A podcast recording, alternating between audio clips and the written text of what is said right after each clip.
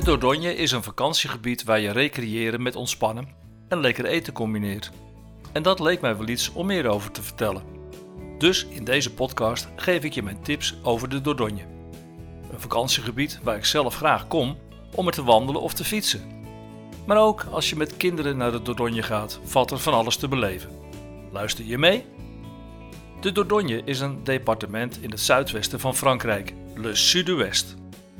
In mijn gelijknamige e-book Le Sud-Ouest neem ik je zelfs mee voor een week in de Dordogne en ontdek je dag voor dag mijn ervaringen in deze streek. Zelfs als het eens wat minder weer is. Wist je trouwens dat de Dordogne net zo ver van de Evenaar ligt als de Noordpool en daardoor een gematigd klimaat heeft waar het in de zomer lekker warm is? De Dordogne is voor velen een ideale bestemming door de mix van natuur, cultuur en historie, maar ook de gastronomie en de vele campings die een kindvriendelijke vakantie tot een feest maken. De leuke stadjes en dorpen, de mooie kastelen, de prehistorische grotten en spelonken maken van de Dordogne een gevarieerd vakantiegebied.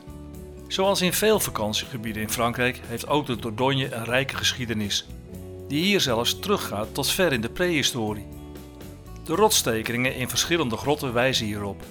Een groot deel van deze vondsten zijn opengesteld voor het publiek en kun je dus bezoeken. Recenter in de geschiedenis kwamen de Romeinen en Galliërs hun intrede doen in dit deel van Frankrijk. Een periode van oorlogen en kruistochten volgde, waarna de rust in de Dordogne uiteindelijk terugkeerde. Het landschap wordt voor een groot deel bepaald door de vele kastelen die daarna zijn overgebleven. En de rijke historie in de Dordogne vind je terug in de dorpen en steden. In de Dordogne kom je ook tal van bastides tegen. Dit zijn versterkte plaatsen die altijd in het centrum een groot centraal plein hebben. Vaak met galerijen die voor schaduw zorgen, waar vroeger de kooplui droog hun koopwaar konden aanbieden. Veel oude dorpen hebben nog een prachtige oude markthal, waar één of meerdere keren per week een gezellige markt wordt gehouden.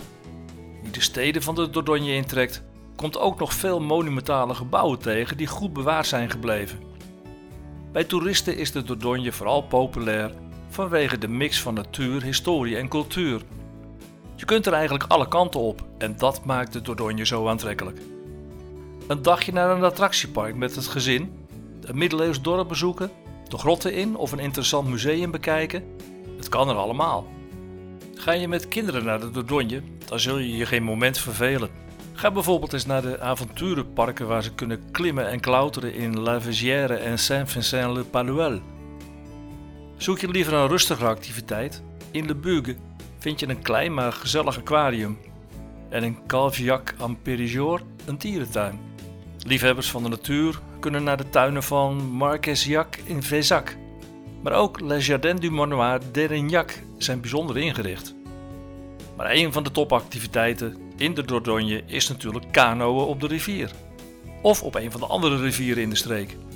Maar maak dan niet de fout die ik vele jaren geleden maakte toen ik met mijn zoon, toen een jaar of tien, een kanotocht maakte. Wij verbleven op een camping bij het dorpje Grolejac, waar ik voor ons tweetjes een kano huurde. Er werd keurig uitgelegd dat wij rond 4 uur middags bij La Roque-Gaziac met een busje terug konden naar het beginpunt.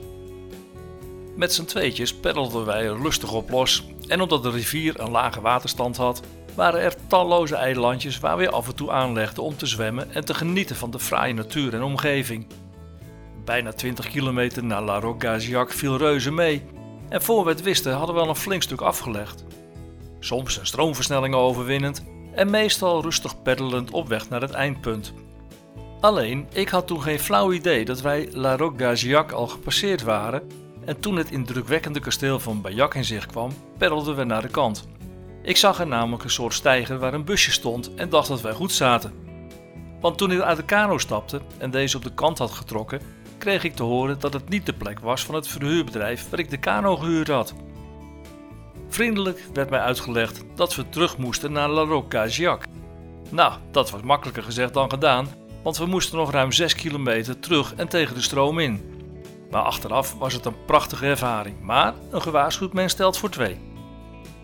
In Benjak et Kazenak moet je trouwens absoluut de klim door het dorp naar Château de Benjak maken. Het uitzicht tussen de stenen openingen door is ongeëvenaard in de Dordogne.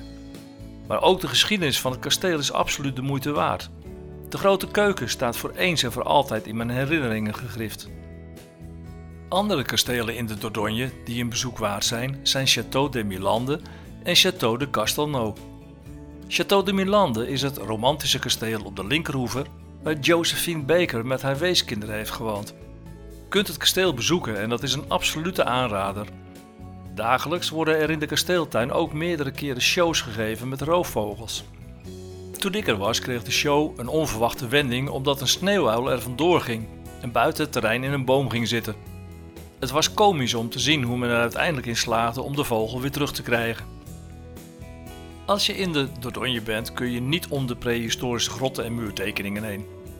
De grotten van Pesmerle in de Los zijn beroemd, maar de grot van Lascaux is wereldberoemd. Toen in 1940 een paar jongetjes met hun hond een grot ontdekten, konden zij niet vermoeden dat zij misschien wel de beroemdste grot ter wereld hadden gevonden. Tot de jaren 60 werd de grot van Lascaux zoveel bezocht dat men moest besluiten om de grot na te bouwen en de originele grot voor bezoek te sluiten. De warmte en condens die bezoekers veroorzaakten, zorgden voor aantasting van de talloze indrukwekkende schilderingen die volgens schattingen meer dan 10.000 jaar oud zijn. In de jaren 80 werd Lascaux Deux geopend. Maar eind 2016 werd Lascaux Quatre geopend, waar met de allerlaatste technieken de oorspronkelijke grot exact is nagebouwd. Zelfs het klimaat in de grot is nagenoeg identiek, koel en vochtig, waardoor je echt het idee hebt in de oorspronkelijke Lascaux te zijn. Les Aisies en het Vézère-dal laten je de prehistorie ontdekken met een geschiedenis die teruggaat tot de oorsprong van ons bestaan. Les Aisies de Taillac is de prehistorische hoofdstad van de wereld. Hier ontdek je de vallei van de mens en de wereldberoemde grotten van Lascaux, met prachtige prehistorische schilderingen. Maar ook in Font de Gaume, Combarel en Rouffignac vind je grotten met schilderingen. Het is bijzonder om te zien hoe men duizenden jaren geleden al bezig was om sporen achter te laten. Het is ook de plaats waar een compleet museum over de prehistorie is ingericht. Het Musée National de Préhistoire voert zowel jong als oud mee op de ontdekkingstocht langs de vervlogen tijden. Een absolute aanrader is de markt van Salat la Canada op woensdag of zaterdag. Er worden streekproducten zoals kaas en wijn verhandeld en nog veel meer lekkere etenswaren. Het oude centrum van Salat bevat veel middeleeuwse huizen die het bekijken absoluut waard zijn. Ik moet Salat altijd even bezoeken als ik in de Dordogne ben en vind het nog altijd een van de mooiste stadjes van Frankrijk. Wil je nog iets bijzonders bezoeken? Ga dan naar het vestingstadje Dom. Midden op het centrale plein kun je een grot bezoeken. Een topidee als het een warme dag is. Dom werd in 1281 gesticht door Philip de Stoute. En je ontdekt het plaatsje het best als je een wandeling door de oude straatjes maakt. De ommuring is grotendeels nog intact, evenals een paar mooie stadspoorten. Bij sommige poorten heb je een prachtig uitzicht op de mooie omgeving. Haal bij het Office du Toerisme de beschrijving en trek er een paar uurtjes vooruit. Je zult er geen spijt van krijgen. Vooral niet als je op het eind van de wandeling bij de hooggelegen tuinen en promenade komt waar je een fantastisch uitzicht op de vallei van de Dordogne hebt. In de verte zie je La Roque Gaziac in het zonlicht schitteren. Heb je nog tijd over? Dan is Brantôme ook de moeite waard. Het is een oud eilandje waar monniken een verbindingsweg naar het vasteland maakten. De grotten achter de abdij en kerk werden in het verleden bewoond. Wil je meer weten over de Dordogne?